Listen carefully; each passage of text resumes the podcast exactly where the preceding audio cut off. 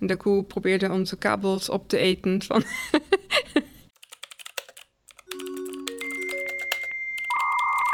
Dit is de Tech Girl Podcast. Hallo en welkom bij weer een nieuwe Tech Girl Podcast. Mijn naam is Anke Horsman en vandaag spreek ik Saskia Groenewegen. Saskia is Technical Lead XR bij Ordina. Maar wat dat precies inhoudt, dat kan ze zelf het beste uitleggen. Ehm, nou, Technical Lead XR.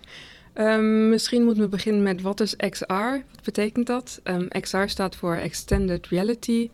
En dat is eigenlijk zeg maar, de overkoepelende term voor verschillende technologieën, uh, zoals virtual reality, uh, augmented reality en mixed reality. Uh, virtual reality is waar je zo'n zeg maar, een bril opzet en dan um, zie je de echte wereld niet meer, maar je ziet een virtuele wereld en kan daar ook doorheen bewegen. Dus als je dan beweegt, dan beweeg je ook in die virtuele wereld.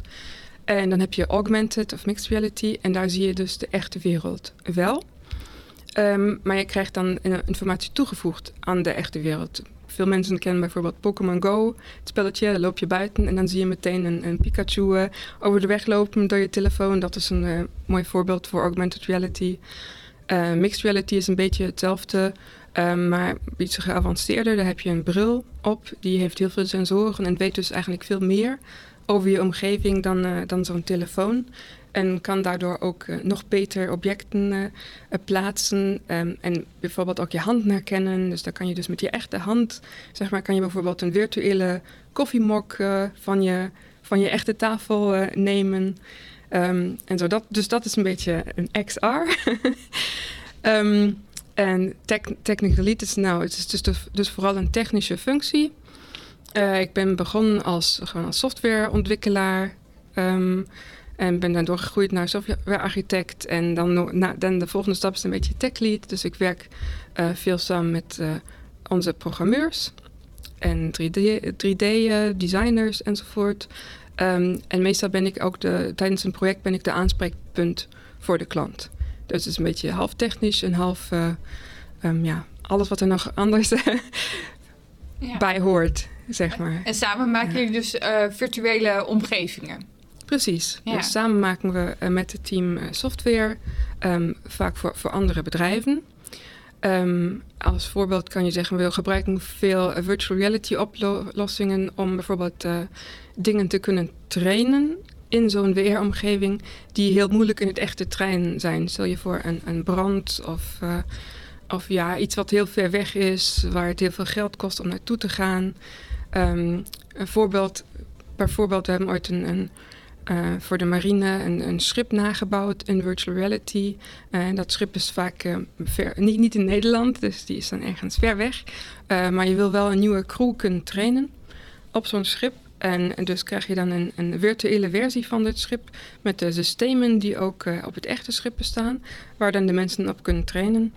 En dan zijn ze echt zeg maar, klaar om, of zijn ze veel sneller klaar om echt aan de slag te gaan als het schip dan weer toch beschikbaar is.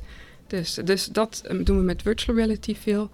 En met, uh, met augmented en mixed reality, dus waar je wel de echte wereld nog ziet, daar doen we veel dingen die mensen ondersteunen tijdens het werk. Stel je voor, je bent een, je bent een monteur en je moet, je moet iets gaan repareren. En daar bestaan van dit systeem bestaan er honderd verschillende die net, net op elkaar lijken, maar niet, niet hetzelfde zijn. En te leren hoe al deze systemen werken is dus heel veel moeite voor zo'n monteur. Um, en met zo'n bril op die je daarbij ondersteunt, kan je dus veel sneller aan de slag. Als je zeg maar een basisopleiding hebt van uh, ja, hoe, hoe repareer ik zo'n systeem een beetje. En dan kom je dus daar naartoe en dan herkent die, bril dus voor je wat voor een systeem is dit nu precies. En kan je dus dan um, vertellen van oké, um, hier is een storing, um, hier is de informatie daarvoor. Hier heb je nog een schakelschema van, de, van, de, van, dit, uh, van die machine. Die hangt dan, kan je in de lucht hangen bijvoorbeeld. En geeft je dan voor, uh, stapsgewijs instructies. Van hier is de, deze knop en die moet je met dit tool, moet je dit drie keer in deze kant op draaien. En daarna doe je dit en dit en dit enzovoort. Dus die geeft je dus, die voegt gewoon allerlei extra informatie toe aan de werkelijkheid die je ondersteunt om je werk beter en veiliger en sneller te kunnen doen. Dus dat is een beetje grof wat we doen. Uh, wat ik hoor aan jou is dat het dus um, uh, heel handig kan zijn, bijvoorbeeld voor monteurs. Die wel de skills hebben, maar daarmee eigenlijk een soort van extra kennisbank unlocken. Zie ik het op die manier? Ja, klopt. Klopt, dat is een heel goed voorbeeld. Uh, een ander voorbeeld is dat je um, vaak heb je heb je junior monteurs en senior monteurs. En om zo'n junior op te leiden heb je vaak de senior nodig die meegaat. En dan, gaan ze samen op pad bijvoorbeeld om een reparatie te doen. Um, en vaak hebben bedrijven niet, hebben niet voldoende monteurs. Die hebben gewoon te weinig mensen en uh, moeten heel veel werk doen. En met zo'n bril kan je dus eigenlijk kan die senior dan uh, op kantoor blijven bijvoorbeeld. En eh, remote die juniors ondersteunen. Dus dan heb je maar één monteur nodig die echt uh, uh, op pad gaat. Uh, want die bril heeft bijvoorbeeld heeft ook een, um, een videocamera. Dus een senior monteur zou dan mee kunnen kijken met de junior waar die mee bezig is en hem zo ondersteunen. En dan heb je gewoon, ja, kan je meer werk doen met minder mensen. Ja, heel efficiënt. Ja. ja. Um, hoe komt zo'n idee dan tot stand? Is er dan bijvoorbeeld een bedrijf wat naar jullie toe komt met een bepaalde vraag waar jullie dan in meedenken? Of, um... Ja, op verschillende manieren. Soms komt een bedrijf naar ons toe. Um, ik geef ook vaak zeg maar, talks op evenementen over de projecten die we al hebben gedaan. Soms ziet dan een klant dat en komt dan naar ons toe en wil iets soortgelijks. Dus op die, die manier beginnen we. Um, en dan het, hoe begint het echte project? Nou, we beginnen eigenlijk altijd met, samen met de klant om zeg maar, de klantvraag goed in kaart te brengen. Um, met een soort van kick-off van het project, waar je eerst overlegt van wat willen jullie precies uh, enzovoort. Als dat duidelijk is, dan beginnen we met, uh, met programmeren. Um, we werken vaak met, met Scrum, zoals heel veel bedrijven. Weet je, dat is dus we overleggen met de klant uh, regelmatig. Gaan we nog de goede kant op met het project. Uh, en dan bouwen we dus de software. Uh, we bouwen dit um, op basis van Unity, heet dat. Dat is een game engine. Die ondersteunt je um, daarbij heel goed. Dus die geeft je heel veel functies die je dan niet meer zelf hoeft te programmeren. Dus een soort van bibliotheek met bepaalde functies daar al in? Ja, dat kan, kan je zeggen. Ja. En dus we programmeren in C-Sharp. Um, en gebruiken dan ook, ook nog die game engine. En die, ja, die heeft gewoon veel functies die, zeg maar, al die basisfunctionaliteiten. Als je een object van, van plek, plek A naar plek B wilt verplaatsen, dan hoef je dat niet meer zelf te programmeren. Daar is er al een functie voor. Dus al deze basisdingen, eh, dingen, die doet die game engine voor je. En de rest programmeer je dan in, uh, in C-Sharp in ons geval. En hoe groot is het team binnen Ordina dan als we kijken naar de VR-specialisten? Ja, uh, het is een beetje, je hebt zeg maar zo'n core team van dat zijn ongeveer tien mensen die echt vooral met hiermee bezig zijn. Maar we hebben nog meer mensen die ook uh, um, kennis hebben van Unity, bijvoorbeeld die game engine, die je ook nog uh, erbij zou kunnen betrekken als er een, als er een gro groter project uh, is. Dat is niet zo'n heel groot team. Nee. nee, dat is niet zo'n heel groot team. Maar ja, het is ook nog een ontzettend nieuwe technologie voor veel bedrijven.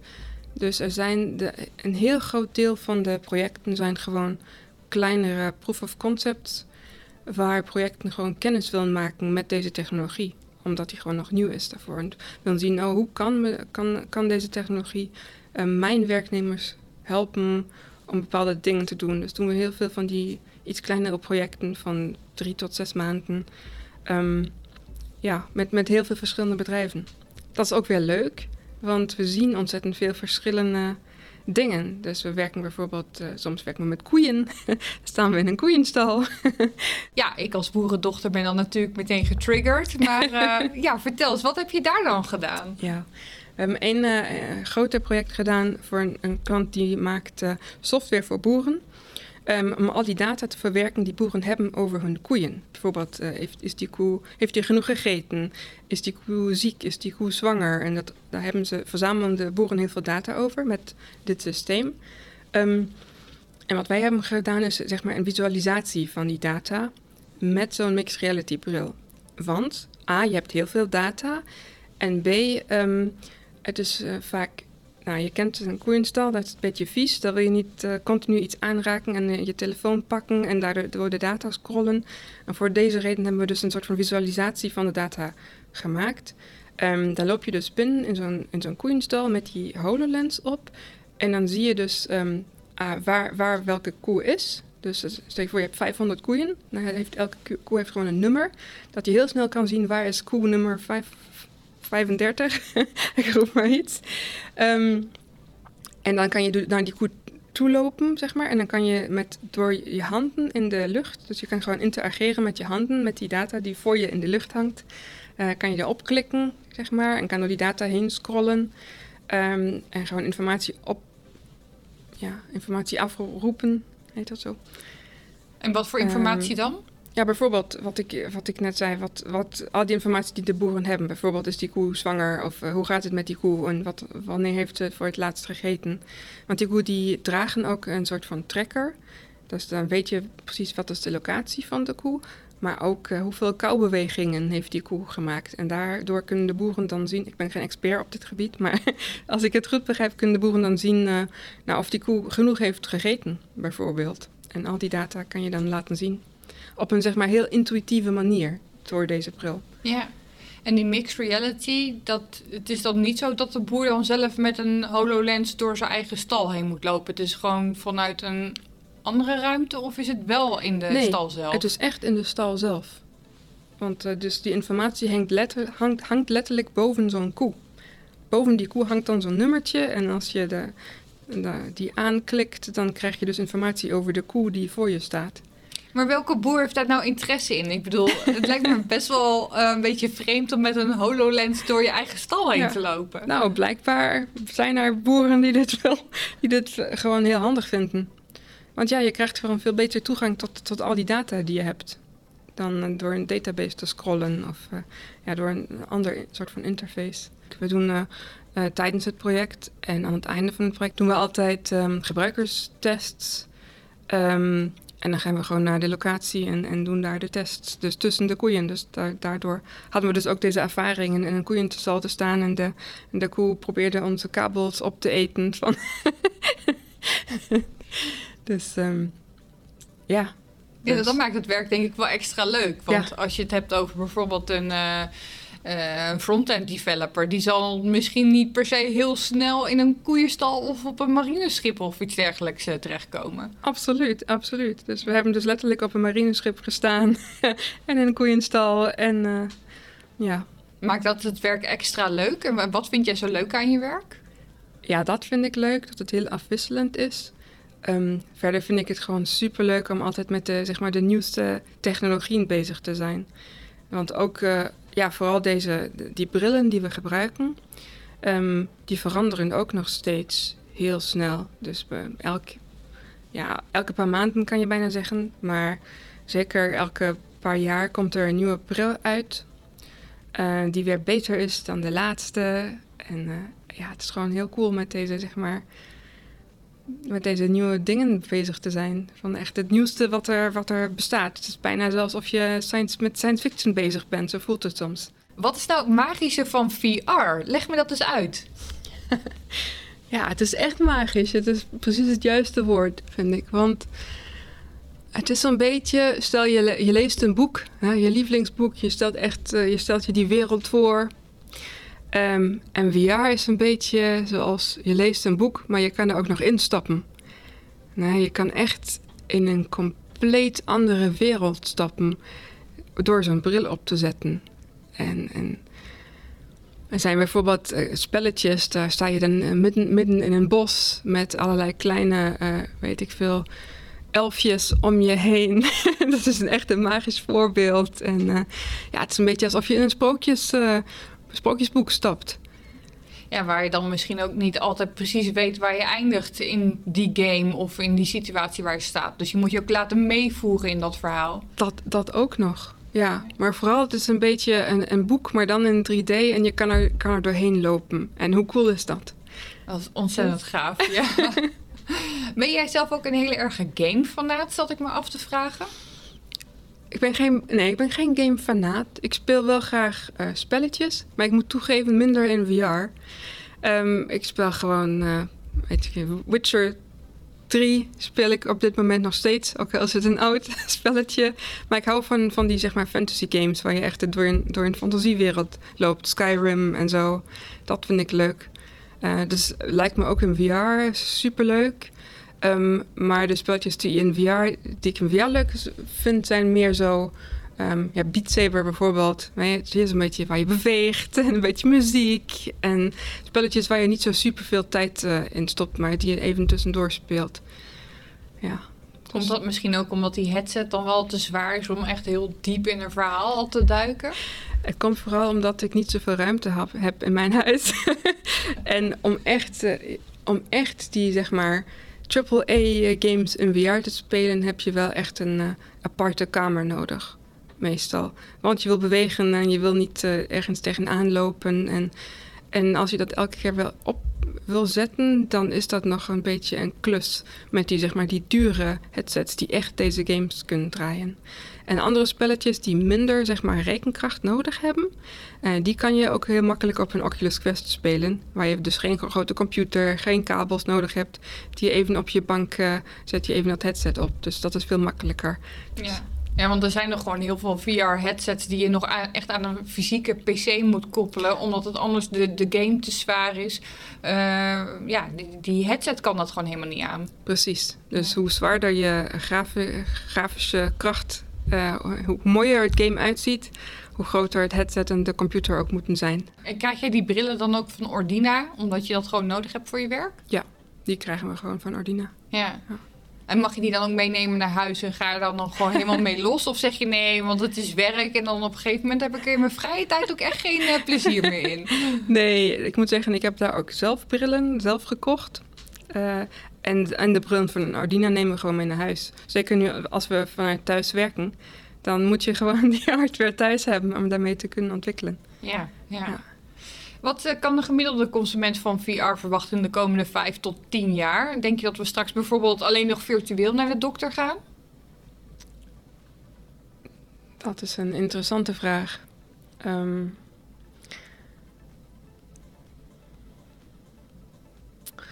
Ja, wat kan de gemiddelde consument verwachten?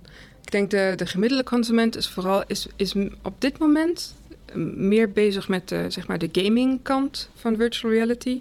En minder met het uh, hoe kan je mensen tijdens het werk ondersteunen. Dus je ziet heel veel mensen die kopen bijvoorbeeld een Oculus Quest uh, eh, 2 headset, want die is vrij goedkoop. Um, en gebruiken die gewoon om te gamen. En om um, zeg maar de sociale dingen te doen. je hebt al die zeg maar, chatrooms waar je als avatar um, bent. En dan ontmoet je gewoon andere mensen. Dan doen ze gewoon spelletjes met elkaar. Dus die sociale kant is heel groot. Ne? Um, zeg je, steekwoord uh, metaverse. waar het heel vaak over gaat. Dus dat is een beetje de metaverse kant. Je, je, ontmoet andere mensen in een virtuele wereld. en het gaming is vooral heel groot. Hoe de ontwikkeling gaat op de werkvloer, dat hangt, ik denk de hele ontwikkeling hangt ontzettend af van hoe de hardware ontwikkelt. Want ik vind nog steeds de zwakste punt bij dit hele thema is eigenlijk uh, de hardware is nog niet perfect.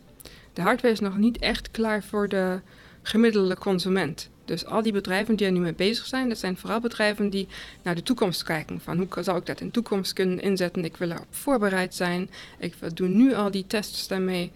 Um, maar je hebt nog steeds, eigenlijk zijn die brillen te zwaar om ze heel veel uren te dragen. Ze zijn nog vrij duur.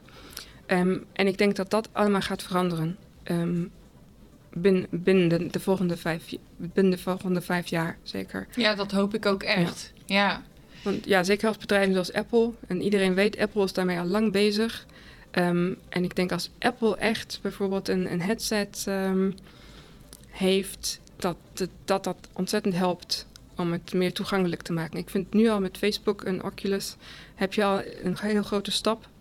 Volgens mij zijn er nog nooit zoveel headsets verkocht dan de, de, de laatste van, van Oculus, Meta, Facebook. Het werd je moeilijk. Ze veranderen zo vaak hun naam. Dus de laatste headset van Meta. Um, dus ja, ik denk dat het groter, vooral dat het zeker groter gaat worden in de toekomst. En hoe ben je dan zelf in het werk gerold? Want ja, het is niet dat ik nou alledaags iemand spreek die nou een VR-expert is geworden. ja. Ja, ja, zeg maar vrij traditioneel. Ik heb gewoon informatica gestudeerd.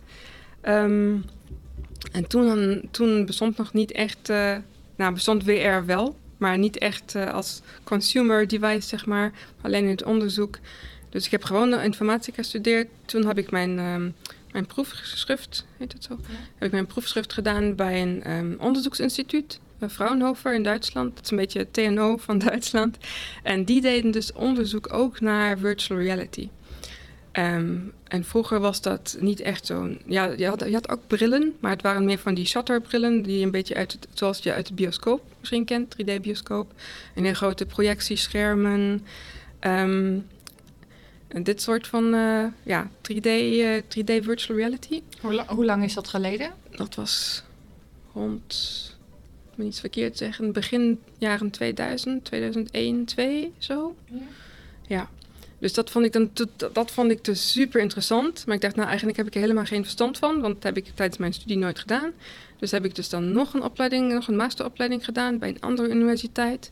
Die dus echt gespecialiseerd waren op dit gebied. En daar heb ik dus echt virtual reality, augmented reality gestudeerd. Um, dan heb ik, uh, dacht ik, oh, ik ga, voor mijn proefschrift uh, ga ik uh, even misschien naar een ander land. Dus zo ben ik in Nederland beland, in Delft bij de TU. Um, en ja, daar ben ik dus afgestudeerd. Dan um, ben ik begonnen aan promotieonderzoek in Utrecht. Um, en ook die kant op. Maar ja, mijn promotieonderzoek ging toch eigenlijk toch een hele andere richting op. Dus daar ben ik dan toch weer mee gestopt, na twee jaar ongeveer. Want, want waar ging want, het over en waar deed je dat en waarom ben je dan toch ja. weer weggegaan? Nou, het project heet, uh, de naam van het project was uh, Metaverse. Haha. Nou, wat is dit? Want die was dus, de naam van het project was letterlijk Metaverse One. En het ging eigenlijk dus om virtuele werelden en zo. Maar mijn promotieonderzoeksplek ging dus eigenlijk meer over path planning en beweging en games um, dan over de virtuele werelden. Dus dat paste niet zo goed met wat ik eigenlijk wilde doen. Um, dus ben ik daarmee gestopt en ben dan zeg maar de, uit de academische wereld gestapt en meer in de softwareontwikkeling terechtgekomen, maar eigenlijk nog steeds op het zeg maar R&D gebied. Dus ik ben eigenlijk softwareontwikkelaar voor R&D geworden. Research and development dus. dus dan heb ik uh, bij verschillende bedrijven gewerkt die dus ook bezig waren met gewoon het uitzoeken van nieuwe technologieën. Ook, uh, ook vaak dan met Unity, dus die game engine al. Um, bij een bedrijf gewerkt in Amsterdam. Die hebben uh, augmented reality apps gemaakt voor telefoons. Waar je dan bijvoorbeeld, je, als je een nieuwe bank wil kopen, kan je dus van tevoren kijken, past die bank in mijn, uh, in mijn kamer? Of als je een nieuw motorrad wil kopen, kan je die configureren, dit soort van dingen. En ja, en op die manier ben ik dan uiteindelijk bij, uh, bij Ordina beland. Um, en Ordina had ook zo'n soort van um, ja, R&D-afdeling vier jaar geleden. Die ook onderzoek deden naar de, de nieuwste en de hipste dingen. Die deden dan WRAR, maar die deden ook uh, blockchain en uh, IoT en zo. En uh, ja, en, vanaf daar is het, het WRAR-team eigenlijk gegroeid naar wat het nu is. En een beetje onafhankelijk geworden van de rest van, van de andere thema's. Denk je dat je stiekem wordt afgeluisterd door Meta, omdat je al de Metaverse One had bedacht? Dus ja, hoe zit dat? Waarom, waarom noemen zij het ook metaverse? Wat, wat voor betekenis heeft dat? Nou, metaverse is eigenlijk een begrip uit een boek uit de jaren 90. Laat me niet verkeerd zeggen. Volgens mij was het uit Snow Crash. Ja. Uh, en daar, het boek ging ook over zo'n zeg maar virtuele wereld Um, waar mensen elkaar kunnen ontmoeten, die boven de echte wereld uh, ligt. Dus daar komt het, het, woord een beetje vandaan. Um, en dus is die idee eigenlijk dat je als avatar van jezelf ergens in een, een niet bestaande wereld uh, rond kan lopen en andere mensen kan ontmoeten. Dat is een beetje de basisidee van, um, van metaverse. Zeker de, de, sociale, de sociale kant uh, van metaverse. Maar is het dan niet heel toevallig dat jij dat ook voor je, voor je proefschrift hebt gebruikt en nu Facebook ook? Dat is wel heel toevallig. maar ja, het is, wel, het, Is geen, het is niet echt een nieuw begrip. Weet je? Het is gewoon het woord voor dit soort van sociale virtuele wereld, die al, eigenlijk al heel lang bestaat. Die uh, Second Life bijvoorbeeld was ook een mooi voorbeeld daarvan. Daar had je geen VR-bril, maar wel je ontmoet elk, gewoon elkaar als avatar in een andere wereld. Dus het is niet echt een nieuw idee. Um, maar het past wel heel goed bij wat Facebook nu doet. En ik dat, denk dat is ook de reden waarom ze deze term hebben gekozen. Ja, ik, ik heb ook wel meegekregen dat je ook al best wel een publiek figuur bent op het gebied van VR. Uh, eh, je geeft lezingen of je organiseert lezingen. Vertel me daar eens wat meer over. Ja, dat klopt. Um, ik, doe van, van, ik geef dus zelf lezingen. Ik organiseer lezingen. Ik organiseer congressen. En ik zit in allerlei um, committees van grotere congressen die al bestaan. Uh, ik ben daar eigenlijk als student al mee begonnen. Um, toen, toen, ik dus die opleiding deed met virtual reality, toen had ik uh, heel gelukkig een professor, professor, die dat heel erg steunde. En die zei, hey, daar is een, is een evenement um, over virtual reality of over computer graphics doen. En die zoeken studenten die een beetje meehelpen. En uh, als je daar meehelpt, dan krijg je dus een gratis ticket en dan mag je daar naartoe. Het was toen al in de VS, dus vrij duur om daar naartoe te komen. En als je daar dan werkt, dan mag je dus gratis daar naartoe. En dat was echt de eerste stap van, want dat was uh, heet het evenement, een heel groot evenement in de VS. 20.000 mensen of zo komen daar naartoe. Uh, en daar mee te werken um, en gewoon te zien wat er allemaal gebeurt in de wereld van deze nieuwe technologieën was gewoon ontzettend leuk. Dat, dat was voor mij zo'n beetje de start. Dat ik dacht, nou, het is gewoon superleuk hier uh, mee te mogen doen. Dus zo ben ik een beetje gestart. Uh, op, het gebied van uh, congressen helpen organiseren. Um, het andere was, waar ik nu aan meewerk, dat heet... Um, waar we, organiseren de talks elke maand. Altijd de laatste donderdag van de maand hebben we een livestream. Het heet Global XR Talks. Dan nodigen we één of twee speakers uit op het gebied van XR die gewoon iets vertellen over hun werk, over of hun superleuk project wat ze net hebben gedaan. Um, en dat is een beetje gegroeid uit een usergroup, uh, waar we eigenlijk fysiek applicatie samenkwamen voor een beetje hetzelfde uh, idee. En door corona is nu, natuurlijk nu alles uh, online, dus is het dan, zijn we online gegaan. En, en dan ook internationaler geworden, dus van Nederlands naar Engels. En, en zo is het een beetje groter geworden. En is eigenlijk begonnen omdat ik gewoon die usergroep was er in, ergens in Amsterdam. En ik ben daar naartoe gegaan, gewoon omdat ik het interessant vond. Heb een beetje de mensen leren kennen. En de twee oprichters hebben me dan anderhalf jaar geleden hebben me gevraagd van wil je niet meedoen uh, in de organisatie. Dacht ik, nou leuk. en zo ben ik daar een beetje um, ingestapt. En um, dan hebben we twee jaar geleden besloten, eigenlijk kunnen we ook een, een congres zelf doen. Want we hebben zoveel leuke sprekers, zoveel leuke thema's. Eigenlijk is het niet genoeg om dit één keer in de maand te doen. Dus zijn we dan begonnen, hebben een online uh, congres opgericht. Dat was, vorig jaar was het, uh, twee jaar geleden was het één dag. Uh, nu um, in de winter was het drie dagen. En ja, dus het is gewoon zo'n beetje gegroeid op die manier. Ja, drie dagen achter elkaar. Drie dagen achter elkaar. Maar dan niet de hele dag, maar dan, ik weet niet meer, zes uur per dag of zo, acht uur. Een hele pittige klus lijkt me dat. Het is wel veel werk. Ja. het allemaal op te richten. Want ja, je moet niet alleen de sprekers vinden, maar ook de servers die daarachter draaien en de videostreaming en zo. Dus, uh, dus uh, ja, maar gelukkig zijn we met z'n drieën. Dus en hebben we ook nog mensen die ons ondersteunen dan tijdens het evenement om het allemaal um, te, te modereren. Um, maar ja, het is wel veel werk. Maar, maar ik vind het gewoon ontzettend leuk om te doen. En als je daar één keer aan begint, dan komt weer zeg maar, een ander evenement die je dan ook vraagt. Want die zeggen dan, oh, ik zie, jij bent hiermee bezig. Wil je niet bij ons ook uh, iets doen? Zo doe ik nu ook iets voor de VR-days in, in Rotterdam een beetje. En ja, zo, zo groeit het gewoon. en waarom vind je dat zo leuk of zo belangrijk om te doen? Um, ja, ik vind het gewoon super leuk om iets, zeg maar, iets terug te geven aan deze superleuke community.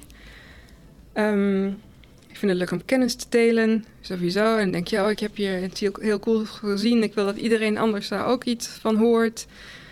Uh, er zijn een heleboel eh, VR-specialisten die jou dus al gevonden hebben... of jullie community gevonden he hebben.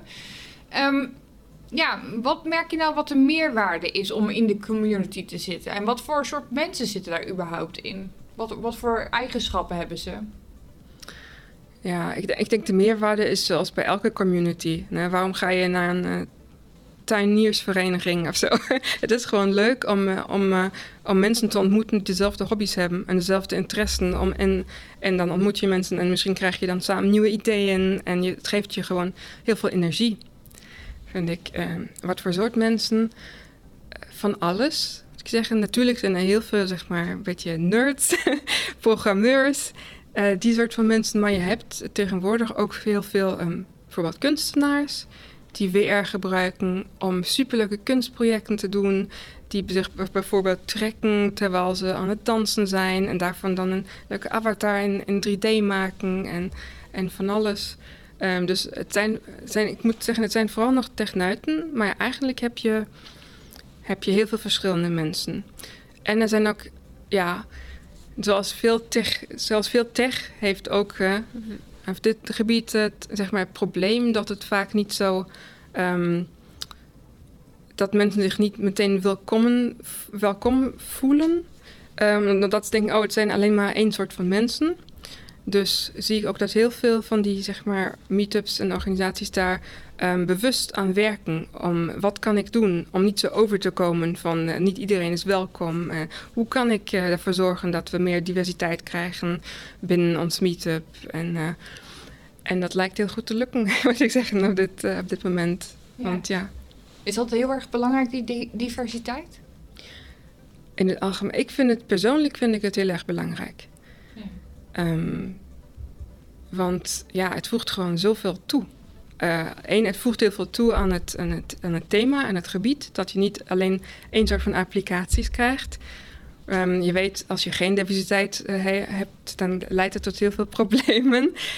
Nee, dat weten we uit de softwareontwikkeling. Dat je dan uh, met je zeepdispensers krijgt die alleen maar witte huidskleur herkennen.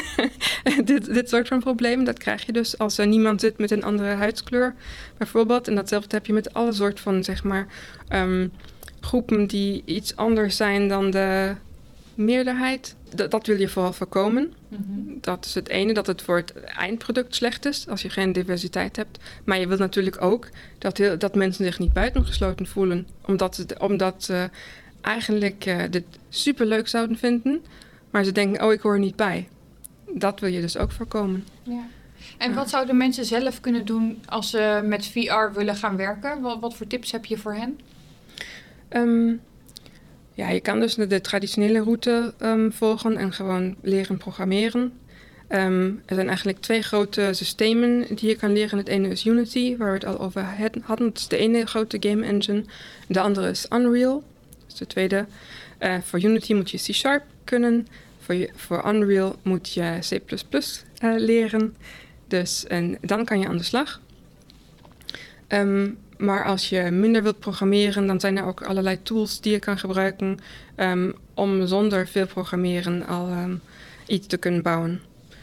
En je kan ook, um, als je bijvoorbeeld uh, kunst wil doen, dan kan je gewoon programma's gebruiken. Bijvoorbeeld is er, zijn er is een programma die heet Tiltbrush. Daar je, kan je gewoon tekenen in 3D. en op die manier kan je een 3D-model creëren. En die kan je dan weer gebruiken in een, in een software. Dus er zijn ontzettend veel mogelijkheden. Um, om te beginnen, ja, misschien is het handig als je een keer zo'n eh, VR hebt beleefd. dus uh, ik hoop dat nu je corona, uh, ja, als het als weer meer mogelijk is, zijn er natuurlijk die meetups um, in Nederland. Uh, is en in Amsterdam weet ik, nou Google gewoon eventjes op meetups op het gebied van VR. Ehm, waar je mensen kan ontmoeten die gewoon ook zo vaak die hardware meenemen. Uh, beleef het gewoon een keer, praat met die mensen. Ja, kijk waar ze mee bezig zijn en hoe je daar aan kan sluiten. Wil jij nu ook gaan bouwen aan de wereld van virtual reality? Check dan de website ordina.nl slash. Donderdag hebben we weer een nieuwe gast in de uitzending. Dan spreek ik met Jessie de Graaf. En zij is tegenwoordig IT'er bij Rituals. Nou, hoe dat zit, dat legt ze donderdag uit. Graag tot dan en vergeet je niet te subscriben op ons Spotify channel.